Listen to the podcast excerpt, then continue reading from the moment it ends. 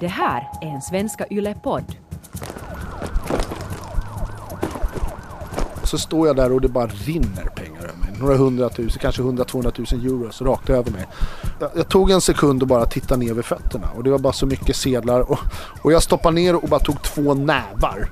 Och bara stoppade ner i byxfickan och två nävar till och bara, och bara tryckte byxorna bara med, med lite pengar.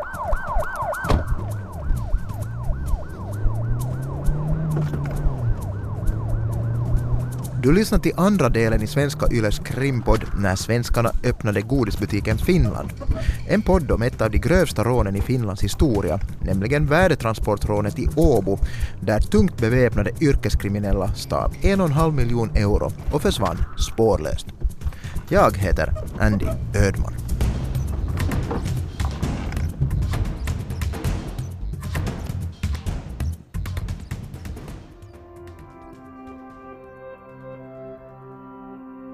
Hur kan man gå på Lucia-tåg morgonen efter att man har varit och spanat i Finland? Det, nu, nu säger jag det är en sorts egenskap, men jag vet inte, har du sett det finns en film som heter Split? Ja, han har ju 23, han har ju hur många personligheter som helst. Och det här har jag sagt under många år.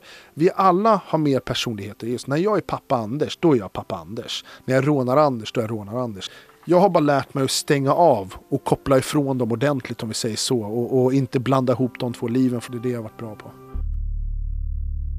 Anders och Dali har levt ett dubbelliv.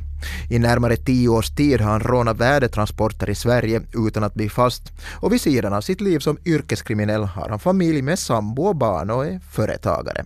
Han driver ett lekpalats för barn i en stor hall i Stockholm.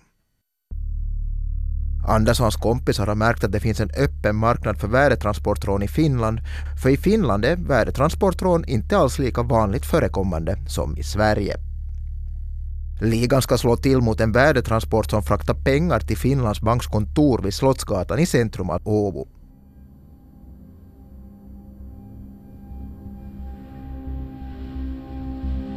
Det är den 19 februari 2007 och Anders vaknar i den spartanskt inredda lägenheten på Kaskisgatan. I lägenheten finns förutom några skåp och enstaka möbler madrasser på golvet. Det är vinter ute, det är måndag och det är dagen då ligan ska slå till mot Finlands bank. Just dagen då vi gjorde rånet så snöade det också. Det började ju snöa då. Det är ju så här, det är ultimat, för när det snöar tittar folk neråt. De tittar inte uppåt, så de är inte uppmärksamma vad som händer omkring dig. Så då kan man röra sig ganska fritt som rånare. Man är orolig att någon ska titta dig i ögonen, men här tittar alla neråt på grund av snön. De tittar inte uppåt. Så, att, så en fördel. Rånarna börjar lämna lägenheten på Kaskisgatan. Först att lämna lägenheten är en kompis som kallas Henke och som ska köra till penningdepån vid Satakuntavägen en bit utanför stan. Från penningdepån kommer en värdetransport att starta vid halv fem-tiden på eftermiddagen med pengar som ska föras till Finlands banks kontor på Slottsgatan nära Salutorget i Åbo. Henke ska spana på depån och ringa ligans övriga medlemmar då värdetransporten startar. De andra ska ta sig så nära banken som möjligt med flyktbilen som är en röd Volvo och där ska de vänta på samtal från Henke.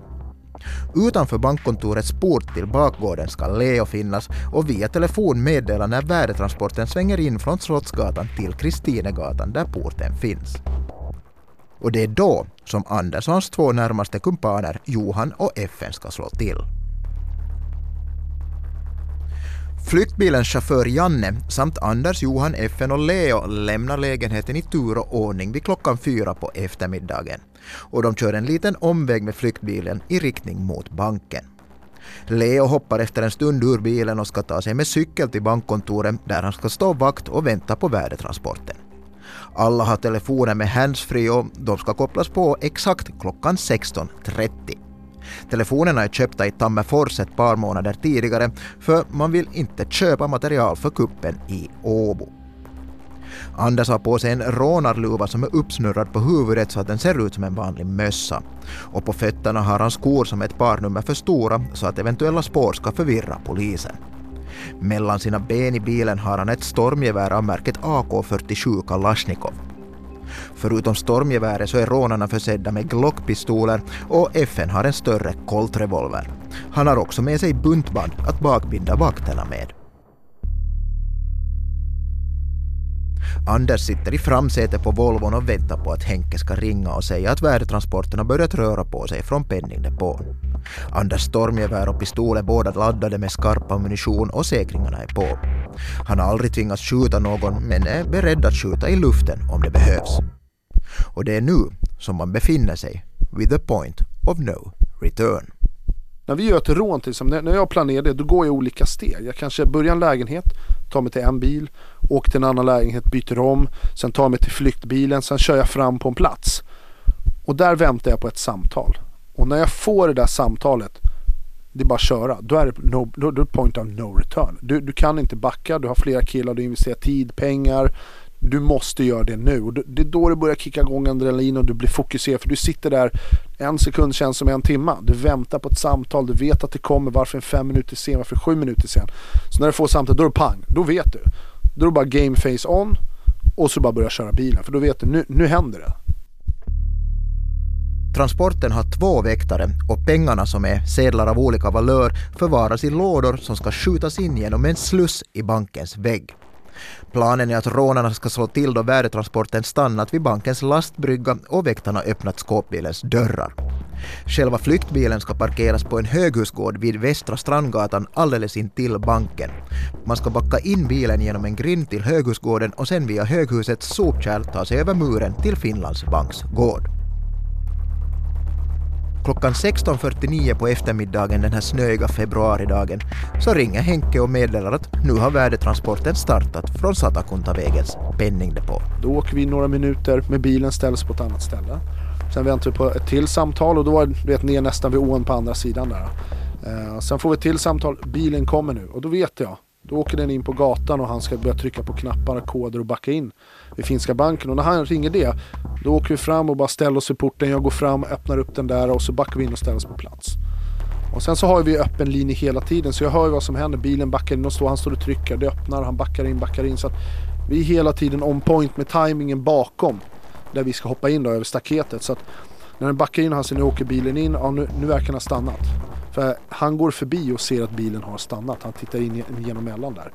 Och då går ju vi ut i bilen allihopa ganska snabbt och, och väldigt snabbt eh, tar oss över, där, klättrar upp på soptunnan tar över staketet och så över på baksidan.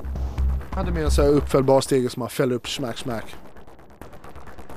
Här på andra sidan, precis uppe över, där, där var också soptunnor som vi kom ner i träd och så står vi vid hörnet eh, eh, till och klättrar upp på, på lastkajen. Så att jag tittar ju fram och jag ser ju ser att bilen där, vi hör att de håller på. Går jag fram och tittar och ser att de packar av. Hämtar jag killarna så kommer vi bara runt bakom hörnet och hoppar upp på lastkajen och övermannar dem. Det var alltså två väktare som kört in bilen på bankens gård. Och med erfarenhet från otaliga rån i Sverige så var rånarna vana vid att väktarna blint lyder deras instruktioner för att inte utsätta sig själva för fara. Men den ena väktaren på lastbryggan till Finlands bank gör motstånd. Jag kommer först fram och bara äh, vet, och skriker någonting och då börjar han nästan slå mot mig. Sen när killen bakom kommer fram med ett vapen och sticker upp. Då förstår man att det är allvar.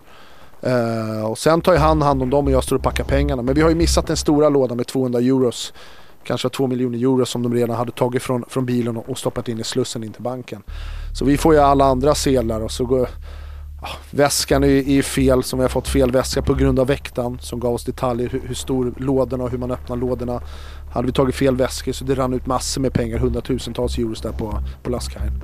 Han sa att de skulle öppnas på kortsidan så då hade jag gjort, tagit en, en, väska med den bredden så vi kunde öppna och bara hälla ner pengarna i. Men de öppnades på långsidan så det blir dubbelt så att när vi öppnade där och hällde ut pengarna då rann allting på sidan av väskan och hälften i. Liksom.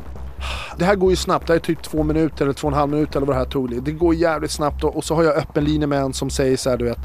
Jag hör polisljud och det är folk där utanför. Så här, man, man hör ju vad som händer men där är man så fokuserad och du har lite tunnelseende på att packa, packa pengar så fort som möjligt och få mer i pengarna. Alla tre har sina egna uppgifter. FN ska ha koll på väktarna och Anders och Johan flyttar pengarna. Utanför bankens gård på Kristinegatan står Leo på vakt och han skriker nu i telefonen att han hör sirenerna komma allt närmare. Anders hör också sirener. Det är bara, bara packa fort som möjligt in och ut, det är det det handlar om. Eh, så, så när vi, eh, vi packar de där väskorna så är det klart så ska vi dra för då hör jag, jag hör polissirenerna och, och polaren skriker du vet, på, andra, på telefonen. Polisen, jag hör polisen också. Eh, så, så, vi drar ju därifrån ganska snabbt, kutar ner. Vi har några väskor med oss. Inte tillräckligt. Eh, Kutar där och när killen framför mig klättrar upp på den här eh, så, ehm, stegen jag har fällt upp. Eh, så han orkar knappt bära väskan så han sliter upp väskan och jag puttar upp den och så går ju blixtlåset sönder. Så jag bara och, och så står jag där och det bara rinner pengar över mig. Några hundratusen, kanske hundra, tvåhundratusen euro så rakt över mig. Och i bara nej och den blir lättare och lättare tills han får upp den och kan slänga över på andra sidan. Så jag, jag kommer ihåg att jag, jag, jag, tog en sekund och bara tittade ner vid fötterna. Och det var bara så mycket sedlar. Och, och jag stoppade ner och bara tog två nävar. Och bara stoppade ner i byxfickan och två nävar till och bara, och bara tryckte byxorna bara med, med lite pengar. Klättrade upp över, hoppade in i bilen och så, så åkte vi. Jag satt ju på passagerarsidan där också.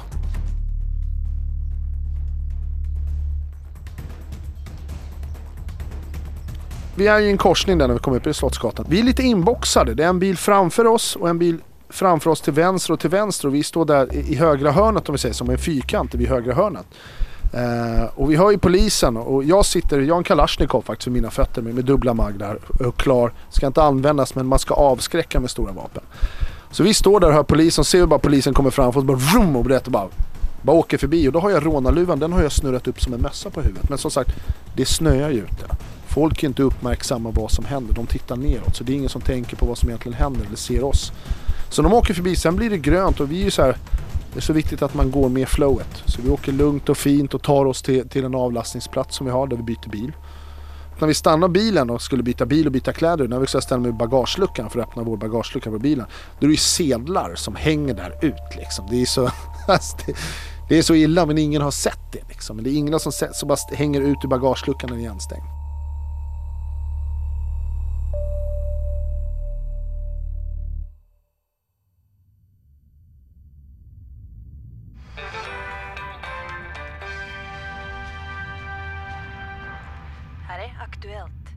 En värdetransport har rånats i Åbo.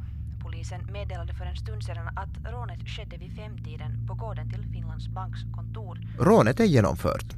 Anderssons kumpaner är i lägenheten på Kaskisgatan med bytet. Ett byte som visar sig vara en och en halv miljon euro. Man gömmer pengarna och vapnen i lägenheten och pengarna ska senare flyttas till ett förråd som man hyrt på en annan plats i Åbo. Nu ska Anders ta sig tillbaka hem till Stockholm. Rånarna förstår att polisen kommer att slå till med full kraft och granska alla vägar ut ur Åbo och ut ur landet. Men ut ur landet skulle man ta sig på sätt eller annat. Man har ju alltid en exitplan och det var ju bestämt sedan tidigare. Jag hade flera olika sätt du kunde ta ut mig, om det är flygplan, båt. Eh, jag hade ju falska identiteter. Eh, jag, jag, vad heter det, någon stack på en gång, några väntade några dagar, några väntade en dag, två dagar. Så att vi alla tog oss ut på olika sätt därifrån. Det är ju tillbaks till lägenheten och så det hälla upp alla pengar, sätta oss och räkna dem liksom. Och vi var väldigt snabbt med att Alltså var det, här, det, var, det var ingen stor summa pengar liksom. Lite över en miljon, 1,2 eller vad, vad det var, 1,3. En och en halv blev det Ja, en och en halv, ja exakt. Och vi var så här, ja vi hade räknat med 5 miljoner euro. Så att pengarna räknas, det delas upp, det stashas. Eh, jag kan säga att polisen var ju där och gjorde en hemlig husrannsakan och missade allt. Vi hade vapnen och alla pengar och allting låg där. De hittade ingenting. De hittade den här rånarluvan som inte fanns säger de. Men de missade hela stashen alltså. Eh, det kan jag säga, det har jag inte sagt tidigare. Men det missade de. Så, så, vi gör ju allt det där och stashar undan pengarna, och vapnen och alla har sina planer. Eh, jag, jag tar mig faktiskt med buss från Åbo till Helsingfors. hoppar på en buss bara. Sitter och spelar och då fanns det en sån här Playstation Play 2 man satte Sony Playstation bärbar. Hade jag köpt. Mm, mm. Tog jag buss därifrån och det var ett par dagar efteråt. För att polisen hade, de hade ju stängt av alltså hela Åbo i, i, fick höra uppe i Helsingfors och stod vid busstationen, tågstationen och gick runt i beväpnade. De hade stoppat eh, tåget, nej, båten som skulle åka den dagen också till Finland, gått igenom 2000 hytter och letat. Det var ju så här, de hade verkligen alert på alla stora ställen men jag tog mig dit i alla fall ganska lätt. Tog mig till flygplatsen också där. Eh, köpte biljett med falsklägg, pröjsade cash. Eh, jag, jag alltså åkte till, till Helsingfors, tog in på ett hotell där. Eh, gick till Stockman. Köpte lite finare kläder, alltså så märkeskläder så det såg riktigt bra res respektabelt ut. Åkte till flygplatsen, köpte biljett, sov över en natt till på det här hotellet. Eh, och sen så, sen åkte jag till flygplatsen så flög jag faktiskt ner till Danmark, Köpenhamn. Körde ner till Köpenhamn, tog tåget över till Malmö tog en taxi till flygplatsen där och så hade jag annat lägg där. Så flög jag hem till eh, till Arlanda, sen eh, taxi hem. så, så försvann jag. Då har jag haft falska ID-kort och allting. Och då ingen vet när, var, hur vi tog ut eller hur vi gjorde alls. Anders är tillbaka i Stockholm. Men nu är frågan om och hur polisen kommer Anders Adali och hans kumpaner på spåret. Planen var naturligtvis att, att gå vidare med den här förundersökningen. Första planen var att få den här Finlandsbanksutredningen gjord men småningom fick vi då kännedom och, och fick veta att, att den här samma, nästan samma gäng eh, planerar en ny rån. Du har lyssnat till andra delen av Svenska Yles krimpodd När svenskarna öppnade godisbutiken Finland. En podd om ett av de största rånen i Finlands historia, nämligen värdetransportrånet i Åbo år 2007. Jag heter Andy Ödman.